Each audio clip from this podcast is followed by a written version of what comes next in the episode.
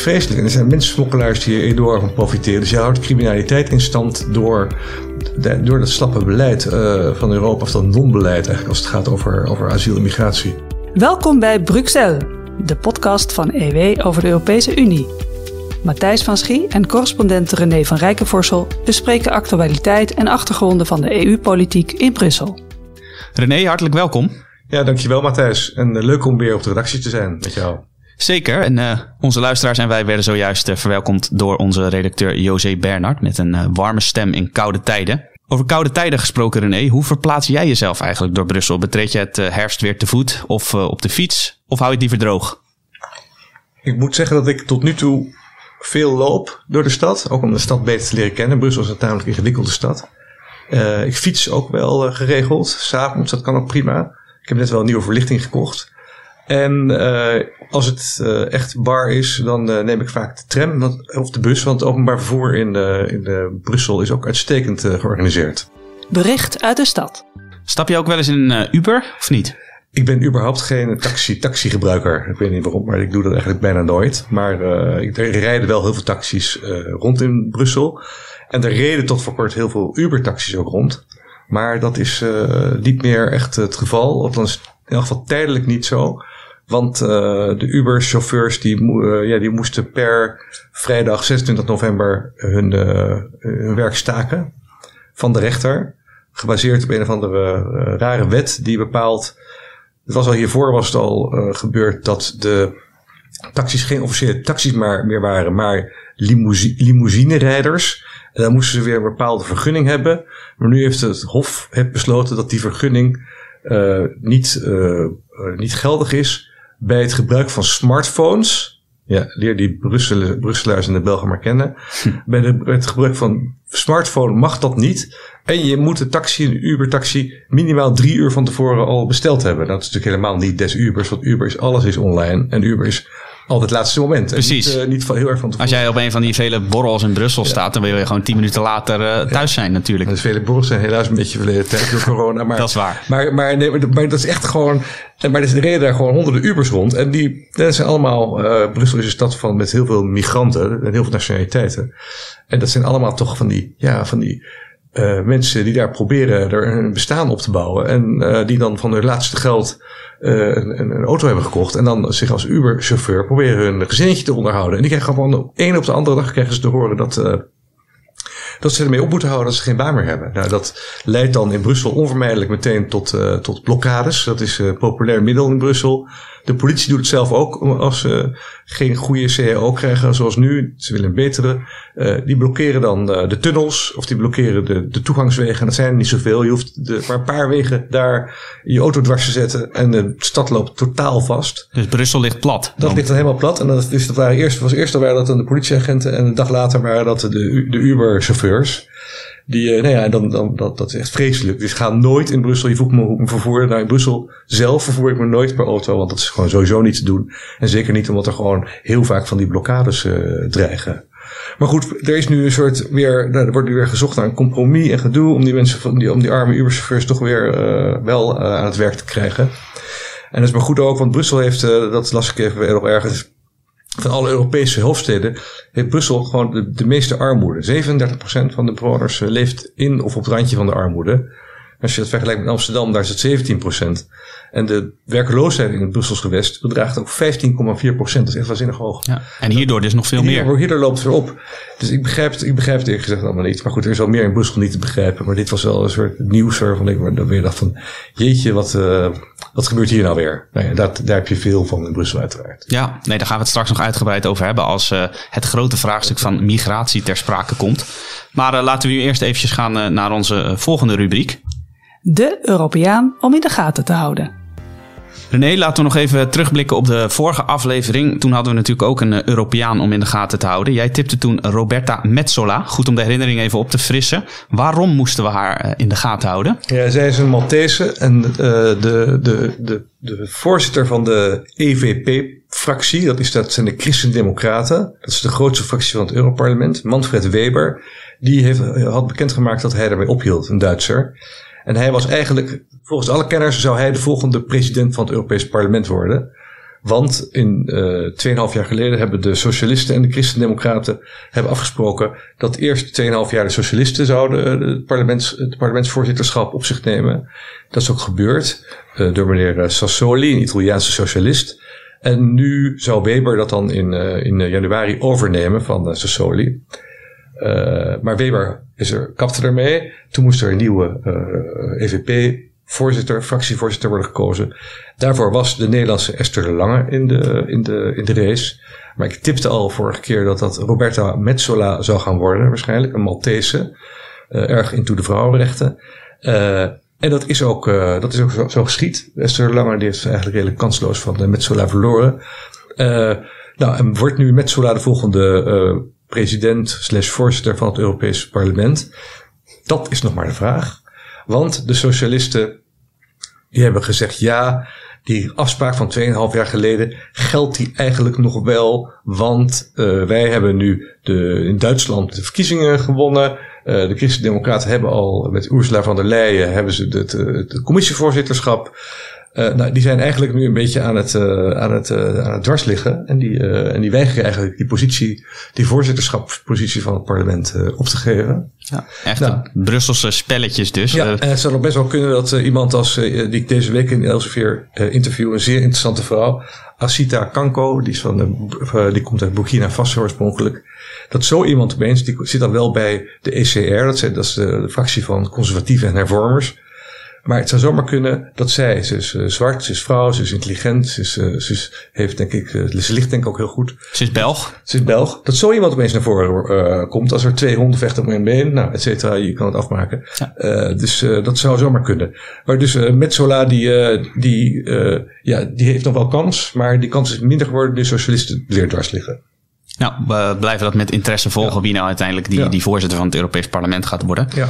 Hey, dan uh, naar de man om in de gaten te houden, want het is een man uh, dit keer. Uh, ja. Nou wie is dat? Zoals je weet is Frankrijk vanaf 1 januari voorzitter van de Europese Unie. Dat wist ik niet, maar dat, goed dat, dat, je zegt. En dat ze hebben daar groot, nee, dat, is, dat wordt, moet een beetje het moment suprême worden voor Macron. Emmanuel Macron, die ook in april zelf nog herverkozen hoopt te worden als president. Dus het is best wel denkbaar eigenlijk dat, uh, dat er een andere president komt. Niet, lijkt mij niet waarschijnlijk, maar het kan. Uh, die dan halverwege uh, het voorzitterschap van de Europese Unie overneemt. Dat ook al heel raar is. Ja. Ik begrijp wel eerlijk gezegd niet hoe je het voorzitterschap zo kan plannen dat, uh, dat er midden in het voorzitterschap een presidentsverkiezing zal zijn. Dan zou je juist denken dat het voorzitterschap niet zo heel veel met lijf heeft. Nee, dan kun je, zou je bijna kunnen schuiven ook eigenlijk. Gewoon dat had je, oké, okay, laten we dan dat even twee landen wisselen. Weet je wel, zodat Frankrijk dan al met de nieuwe president er helemaal in komt. Maar goed, dat is niet gebeurd. Uh, nou, en, en, Macron die wil er wel een feestje van maken. Hij, heeft, hij wil natuurlijk grote sier gaan maken met zijn strategische autonomie en het Europese leger. Daar komt een grote, grote bijeenkomst over, ook nog tijdens zijn presidentschap. Maar de persoon om in de gaten te houden is niet Macron, want dat is eigenlijk zijn rechterhand als het gaat om Europese zaken. Dat is Clément Beaune. Uh, hij is 40, jong nog. Maar goed, Macron is ook nog jong. Macron is 43. Uh, en deze Beaune is uh, sinds 2020 zomer is hij de staatssecretaris voor Europese zaken. En hij is de vertrouweling van, van Macron. En een echte ouderwetse Franse carrière politicus. Hij heeft uh, op de, bij de ENA heeft hij gezeten, de, de École Nationale d'Administration. Heeft uh, in Brugge heeft hij gezeten, op, op het Europa College. Nou, hij heeft echt alles gedaan wat je in Frankrijk moet doen om, vroeger moest doen om, om ver te komen in de politiek. Ik dacht eerlijk gezegd dat Macron daarmee wilde breken met die traditie van dat je als je op de ENA zit, dat je automatisch maar, maar uh, doorschoten. Er staan een soort, soort kartel, zoals dat soms in Nederland wordt dat genoemd. Is, dat, is, dat is kennelijk dat is niet gelukt, want deze man is echt gewoon helemaal de, de belichaming eigenlijk van het, uh, wat jij het kartel, of uh, kartel noemt. Het is wel een, ja, het is een uh, jongen die uh, van schermen houdt en uh, hij, ja, hij, en hij, heeft, en hij is homoseksueel. En dus op zich vind ik dat niet zo relevant wat iemands seksuele geaard is, aardheid is.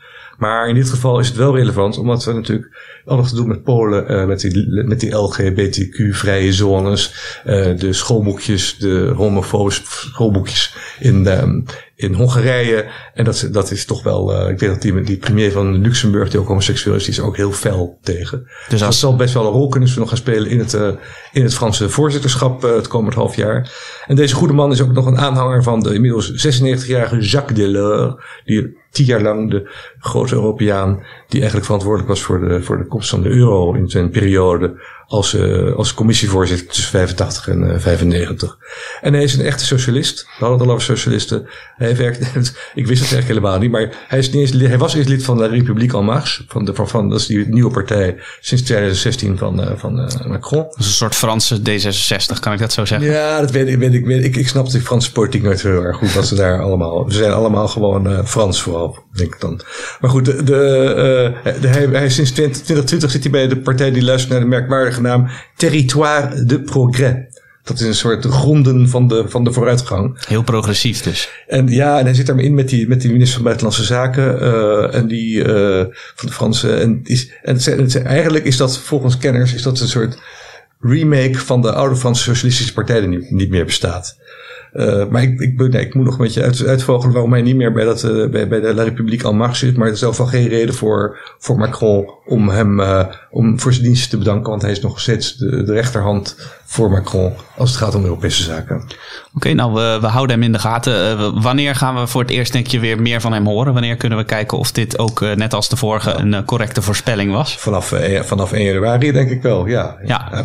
Macron gaat natuurlijk met, gaat natuurlijk met alle, met alle, met de sier gaat hij er vandoor. Dat, dat hoort ook bij een president. Maar dit is de man op de achtergrond die, nou, die, die, daarom zeg ik, die moet je in de gaten houden. Nou, gaan we doen. Uh, met jouw voorspellingen zat je tot nu toe goed. Scoren van 100%. Dus uh, kijken of je dat weet vast te houden hier. Nou, dan hebben we nu het, het voorgerecht gehad. De, de rubriekjes van het voorgerecht. laten we dan nu doorgaan naar het hoofdgerecht. Bruxelles, de hoofdmoot. Stevige kost vandaag, migratie. Twee weken terug uh, spraken we al over het uh, coververhaal van EW dat jij schreef, onder andere samen met Gertjan van Schoonhoven.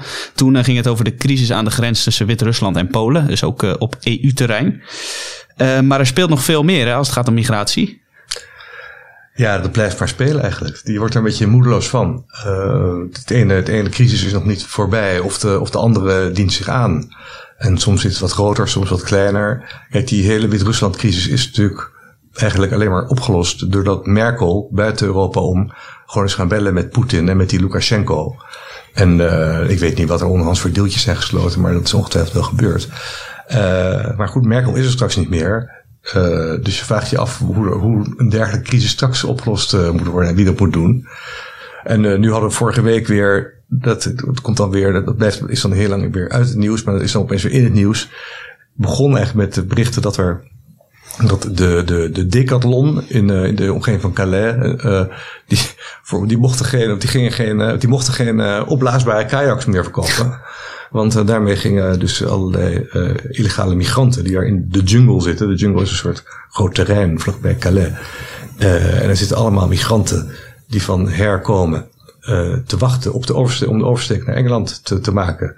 En eerst wilden ze dat, deden ze dat allemaal uh, door zich in vrachtauto's te laten te, in, in, te verstoppen.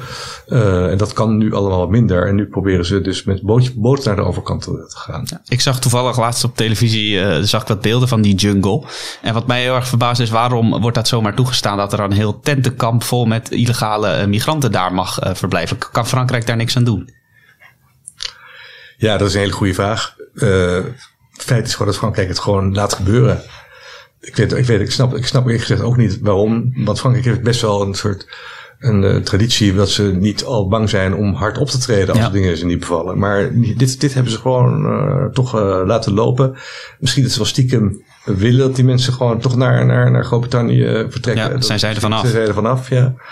Maar ja, het is natuurlijk het is natuurlijk echt heel slecht. En, en wat natuurlijk daar aan de grondslag ligt, uh, is dat het uh, aan die jungle, is dat het, dat zijn allemaal illegale migranten die eigenlijk gewoon geen, uh, ja, die zijn allemaal illegaal binnengekomen. Die hebben geen recht op asiel of wat dan ook.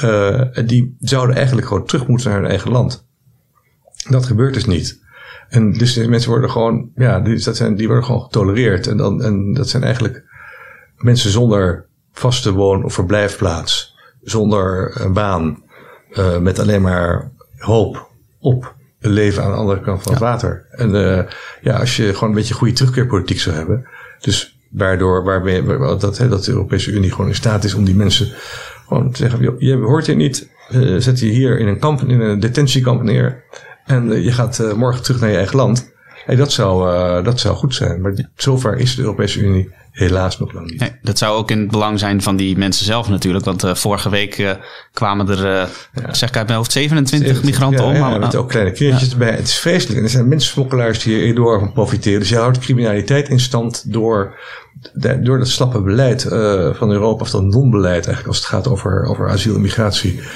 ja, daarmee sponsor je criminelen. Zoals de mensensmokkelaars. Maar ook Lukashenko en dat is toch echt uh, heel erg wrang eigenlijk om te zien. Nou, mijn punt is, dat heb ik ook een paar keer gemaakt. Dat het, uh, en dat heb ik ook uh, besproken met Sami Medi, de, de Belgische staatssecretaris voor asiel en migratie. is dat, het punt is dat, er, dat landen individueel eigenlijk veel minder mogelijkheden hebben om landen onder druk te zetten, landen van herkomst van illegale migranten, om die illegale migranten terug te nemen. Uh, dus nu is het zo dat alle landen dat op bilaterale basis uh, moeten regelen. Dus stel je voor, Nederland gaat dan naar Marokko en zegt: Ah, oh, Marokko, willen jullie alsjeblieft die veilige landers in, die ons land onveilig maken, willen jullie die terugnemen? En Marokko denkt van: doei. Want hij zit er al met een jeugdwerkloosheid van, ik weet niet ja, wat. Dus wat hebben zij eraan om hebben zij, hebben zij, Die zeggen, nee, dat doen we niet. Uh, Spanje, Spanje heeft er wat, wat ja, wat andere relatie met Marokko. En Spanje heeft wel een soort goed verdrag met, de, met de Marokkanen. Uh, maar mijn punt is, en het punt van Sami Medi ook, is de Europese Unie moet, die, moet onderhandelen met die landen. En moet ze gewoon onder druk zetten. De Europese Unie heeft macht, namelijk economische macht. En als de Europese Unie gewoon dreigt, als, niet, als jullie niet, niet die, die, die, illegale migranten terugnemen, dan nou, leggen we de handel plat of weet ik wat. Er zijn ongelooflijk veel mogelijkheden. Dan, uh, dan, dan gaan die landen wel eventjes achter de oren krabben. En dan gaan ze eens meewerken. Maar de Europese Unie kan maar geen eendracht uh, vormen in dit dossier. Ja, afgelopen weekend kwamen ze dus uh, mede door die, die uh, verdrinking van migranten bijeen in Brussel om hierover te spreken. Jij schreef daarover een commentaar op onze website, ook te vinden in de beschrijving van deze podcast. En daarin voorspelde jij vrijdag mooie woorden, maar weinig daden. Ja. En zoals we net al hebben gehoord, zijn je voorspellingen vaak correct. Was dat in dit geval ook zo? Nou ja, ik weet niet. Weet je, ik denk dan, ze hebben besloten om een vliegtuig van Frontex daar langs de kust te laten op en neer vliegen om te kijken of er illegale bewegingen van kajakken of van uh, gammele scheepjes zijn die uh, in de richting van, van, de, van de Engelse kust. Ja. Klinkt niet echt als een structurele oplossing. Heel daadkrachtig. Nee, nee, nee. Dat is een, en ik denk dan ook meteen van waarom hebben ze dat niet al even eerder gedaan? Dat is ook nog iets. Dus ja, ja, dat, als ik het zo hoor, dan klinkt het een beetje als het coronabeleid van Hugo de Jonge en Mark Rutte. Niet, niet echt een duidelijke visie. Nee, je wordt echt niet vrolijk van. En het, het erge is dat gewoon, het, het zal doorgaan op deze manier. Het zal, ik weet niet wat er moet gebeuren om die Europese, om er toch, dat, tot, toch wat Europese uh, ja, eendracht, het woord gebruikte ik net al, uh, totdat dat er een beetje gaat komen. Er moet echt een keer, die crisis moet kennelijk vreselijk uit de hand gaan lopen. Een migratiecrisis om eindelijk voor te zorgen dat die landen eendrachtig worden. Wat je wel ziet, want dat is wel misschien nog een ander punt wat ik nog wel wilde maken hierin. Wat natuurlijk wel gebeurt intussen, is dat je ziet dat alle landen individueel, oogluikend toegestaan door de strenge, de strenge politiek correcte uh, Brusselse groepgemeenten, bezig zijn met, uh, met het opwerpen van hekken, muren, rollen prikkeldraad, nou ja, dus de buitengrens, de buitengrenzen van Europa, het Fort Europa, is wel, in, wel degelijk in de making. Ja. Uh, nooit door Nederland gesteund overigens. Er zijn allerlei uh, uh, Europese revoluties en weet ik wat aan oproepen. Dit ondertekent Nederland nooit. Nederland pleit juist voor meer migratie, heb ik er begrepen uit dat document wat, wat Segers heeft laten liggen in de trein. Onbegrijpelijk. Ja. Maar goed, dat is dan niet anders. Maar de meeste, veel Europese landen zijn wel verstandig en je zag ook al, dat zag je eigenlijk ook al bij de, tijdens de Afghanistan-crisis, dat we ook al de, de gezamenlijke ministers van Migratie ook al wel zeiden van opvang in de regio, opvang in de regio, opvang in de regio. Dus dat zijn dan van die elementen dat, ze wel degelijk, dat er wel degelijk is er actie, maar het is geen gecoördineerde actie. Het is eigenlijk gewoon alle landen doen maar wat. Ik zag ook dat geloof ik Slowakije had geloof ik weer een contingent militairen naar Polen gestuurd om daar te helpen met het uh, hek opwerpen. Uh, dus dat, dat zijn meer gewoon, ja, uh, hoe heet het, noodverbanden die worden gelegd, ja. dan dat het een structureel verband is om, de, om die buitengrens van Europa echt dicht, te, dicht te gooien. Ja, als we dan even kijken naar de, de vorige grote migratiecrisis 2015, toen werd de Hongarije van uh, Viktor Orban nog uh, gekapitteld omdat ze zo'n hek uh, bouwden en de migranten buiten hielden. Maar jij zegt eigenlijk oogluikend staan de EU-bobo's dat juist heel graag toe. Dat gebeurt niet meer. Gebeurt niet meer. Dat wordt echt, dat wordt echt goed gestaan. In Polen heb je ook niemand over gehoord. Nee. Van de, van de Europese... Is dat ook de reden dat dat, dat conflict tussen Polen en de Brussel over de rechtsstaat, dat we daar nu nu niet zoveel meer over horen? Ik, uh, ik, ik, ik, weet het niet zeker uiteraard. Maar uh, je vraagt uitstekende vraag, want ik denk dat het uh, zeker met elkaar te maken heeft. Ja. ja. Het is misschien leuk als ik ook nog even wat vertel over dat hele open grenzenbeleid in, in mijn generatie. Ja, van hoe, hoe wij dat zien. Um, en dan heb ik het over twintigers, begin dertig. Uh, in eerste instantie kijken we natuurlijk vooral naar dingen die jongeren leuk vinden. Gaat het om reizen, om studeren. En dan zeggen wij de, het open, de open grens is hartstikke fijn. Want je hoeft geen geld meer te wisselen. Je kan lekker reizen zonder uh, al te streng te worden gecontroleerd. Je hebt leuke uitwisselingsstudenten om je heen als je nog studeert. Maar uh, ja, dus ik kleef natuurlijk ook voldoende nadelen aan. En dat moet ik ze dan wel eens uitleggen. Uh, als, wij, als je bij EW werkt, dan, uh, dan heb je daar nou eenmaal wat, wat meer oog voor misschien. En kennis over. En kennis over, ja. Mede dankzij jou en de, de vele stukken die ik in EW lees elke week.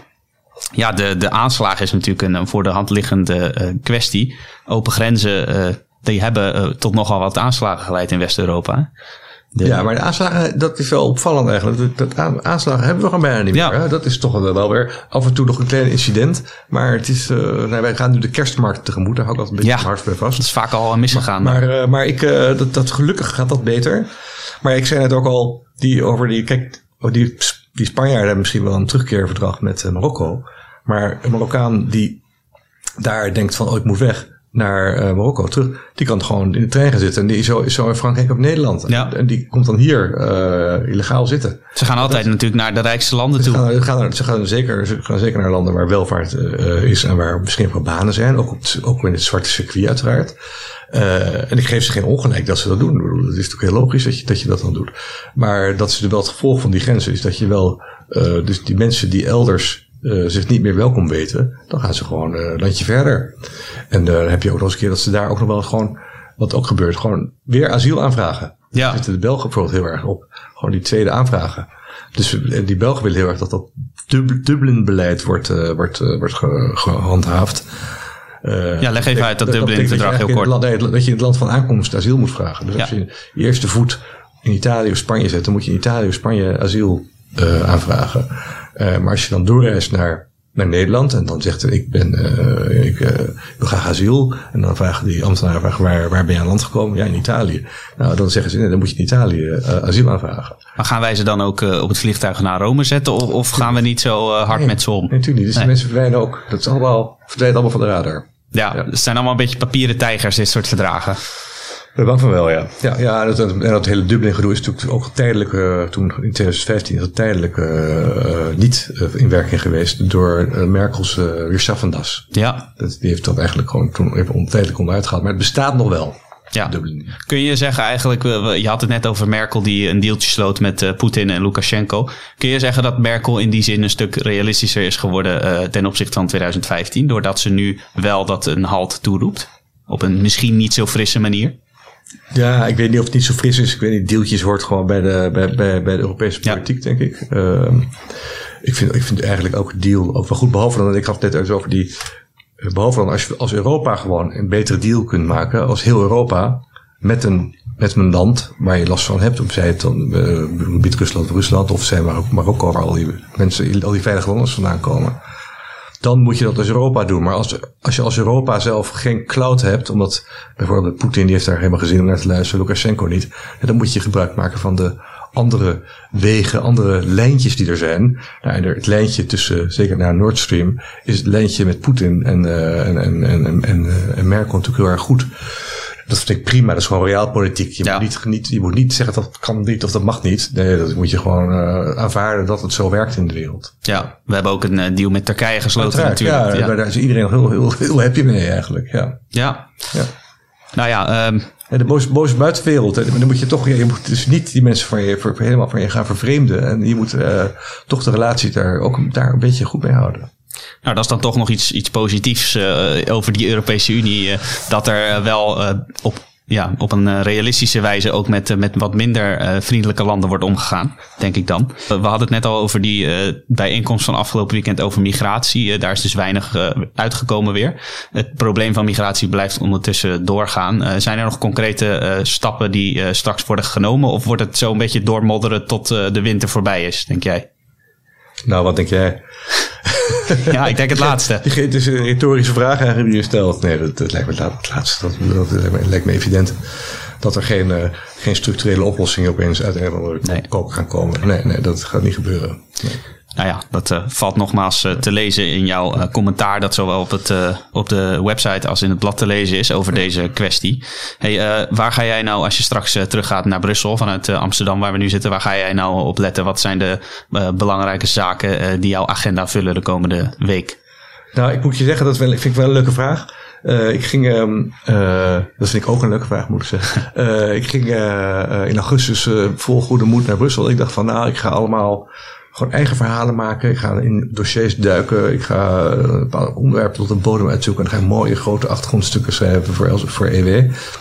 Ehm, maar je, je, gaat daar, je, je gaat daar van event naar event. Het is van gebeurtenis naar gebeurtenis. En ja, daar willen jullie, eh, of van de redactie en de lezer wilden ook over lezen in, in EW. Eh, dus ben ik ook gewoon verplicht om daarover te schrijven. Nu heb ik dat, vind ik dat ook helemaal niet erg. Ik vind het heel erg leuk. Maar het is wel dat ik word ook gewoon meege- meege- meegeslurpt door, de, door, door, door de gebeurtenissen. Je wordt een beetje geleefd. En Luc van Middelaar, die ik heb, die ik heb geïnterviewd en met wie ik een, in het kerstnummer een, eh, een, eh, een soort terugblik op het turbulente jaar 2021 eh, heb, die, heeft, die noemt dat gebeurtenissenpolitiek. Dus Europa die in zijn laatste boek, eh, het, het, eh, eh, het pandemonium, nou, zijn laatste boek over de pandemie, eh, dat het Europees pandemonium, eh, dacht ik, die daarin eh, heeft hij het ook eh, over eh, de regelpolitiek versus de gebeurtenispolitiek. Dus Europa is gebaseerd op regelpolitiek, op regeltjes en wil dat ook.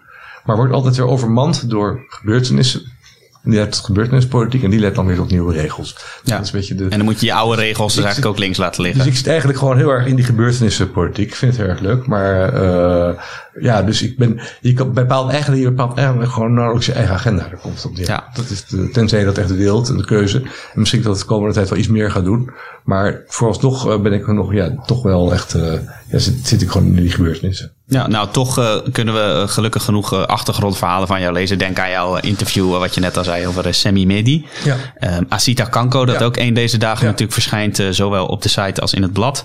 En dus eh dat interview met Luc van Middelaar, eh, kerstnummer, dat eh, verschijnt eind december. En uiteraard gaan we dat ook nog uitgebreid eh, behandelen, ook in een podcast. Nou dan volgens mij hebben we de hoofdmoot gehad. Zullen we naar het toetje gaan? De quizvraag. Ja, na een stevig eh, hoofdgerecht eh, volgt een eh, luchtig toetje. En daarmee kunnen luisteraars dus een speciale editie Europese Unie winnen. Maar voor we eh, nieuwe vraag gaan, moeten we uiteraard eerst even het antwoord op de vorige quizvraag bekendmaken. Wat was die quizvraag ook alweer? Het was best een moeilijk, Doe, hè? doe jij dat? Ja, ik doe dat. ja. Die quizvraag was de Europese Volkspartij, waar we het ook uitgebreid over hebben gehad in onze Europeaan van de Week rubriek. Eh, die had in 1979 voor het eerst een eh, programma om mee te doen aan de eh, verkiezingen voor het Europees Parlement. Hoe heette dat programma? Dat was jouw vraag. Ja. Kun jij het onthullen?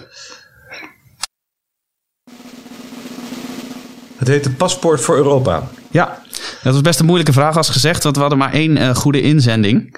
Maar goed, eh, dat is wel gelijk eh, de winnaar dus van een speciale Europese editie. Eh, het goede antwoord is gegeven door Leo Wiggers uit Beeldhoven. Knap speurwerk. Gefeliciteerd. Ja, gefeliciteerd. De, de speciale editie is inmiddels naar u onderweg. Misschien heeft u hem al ontvangen als u hem luistert. Maar absoluut een aanrader ook om te bestellen via onze webshop. Maar u kunt natuurlijk ook deze vraag beantwoorden die nu komt. En wie weet wint u hem dan wel. Volgende quizvraag, René, jij mag hem voorlezen. Ja, ik heb hem iets makkelijker gemaakt, maar zodat we meer, meer, eh, meer goede inzendingen gaan krijgen. Dat moeten we wel weer een notaris aan te pas gaan kopen. natuurlijk. Ja. Dat is een beetje jammer. Met eentje hoefde natuurlijk, we konden dat gewoon zonder nota- notaris afdoen.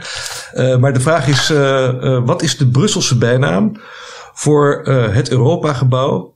Dat is vastgebouwd aan het Résidence Palace aan het eind van de wedstrijd in Brussel. Het is allemaal heel ingewikkeld. Dat sinds 2016 onderdeel is van de hoofdzetel van de Europese Raad. Er is een modern gebouw, kort gezegd, is er ge- vastgeplakt aan een oud gebouw. En dat eh, is prominent aanwezig daar eh, aan, het, aan de kop van de wedstraat bij het Schumannplein. Het is een vierkant gebouw, eh, maar er, daar zit binnenin ook weer iets. Dus het is, eigenlijk is het een urnvormige constructie van twaalf verdiepingen. En die is omgeven door een glazen, glazen kubus. Dus je kijkt zo naar binnen en dan zie je zo die, die, die urn erin. Ja, nou, Dat gebouw heeft een, heeft, een, heeft een bijnaam gekregen. De luisteraar die het antwoord weet, moet zeker even een, eh, mailtje sturen. zo is het. We zullen de vraag nog even uitschrijven en in de beschrijving van deze podcast en ook op de social media eh, zetten. Eh, voor de duidelijkheid, het antwoord kunt u mailen naar eh, bruxelles.ewmagazine.nl. U kunt ook via de social media antwoorden. Maar dan moet u natuurlijk wel even uw volledige naam geven, want anders kunnen wij niet controleren of u wel echt bestaat. dus eh, geef vooral antwoord op deze vraag en wie weet wint u dus die speciale editie Europese Unie. Nou, of eh, dit een eitje is, dat is de vraag. De vorige was moeilijk, maar eh, wie weet eh, heeft u hem nu sneller gevonden. René, we zijn aan het einde gekomen. Hartelijk dank.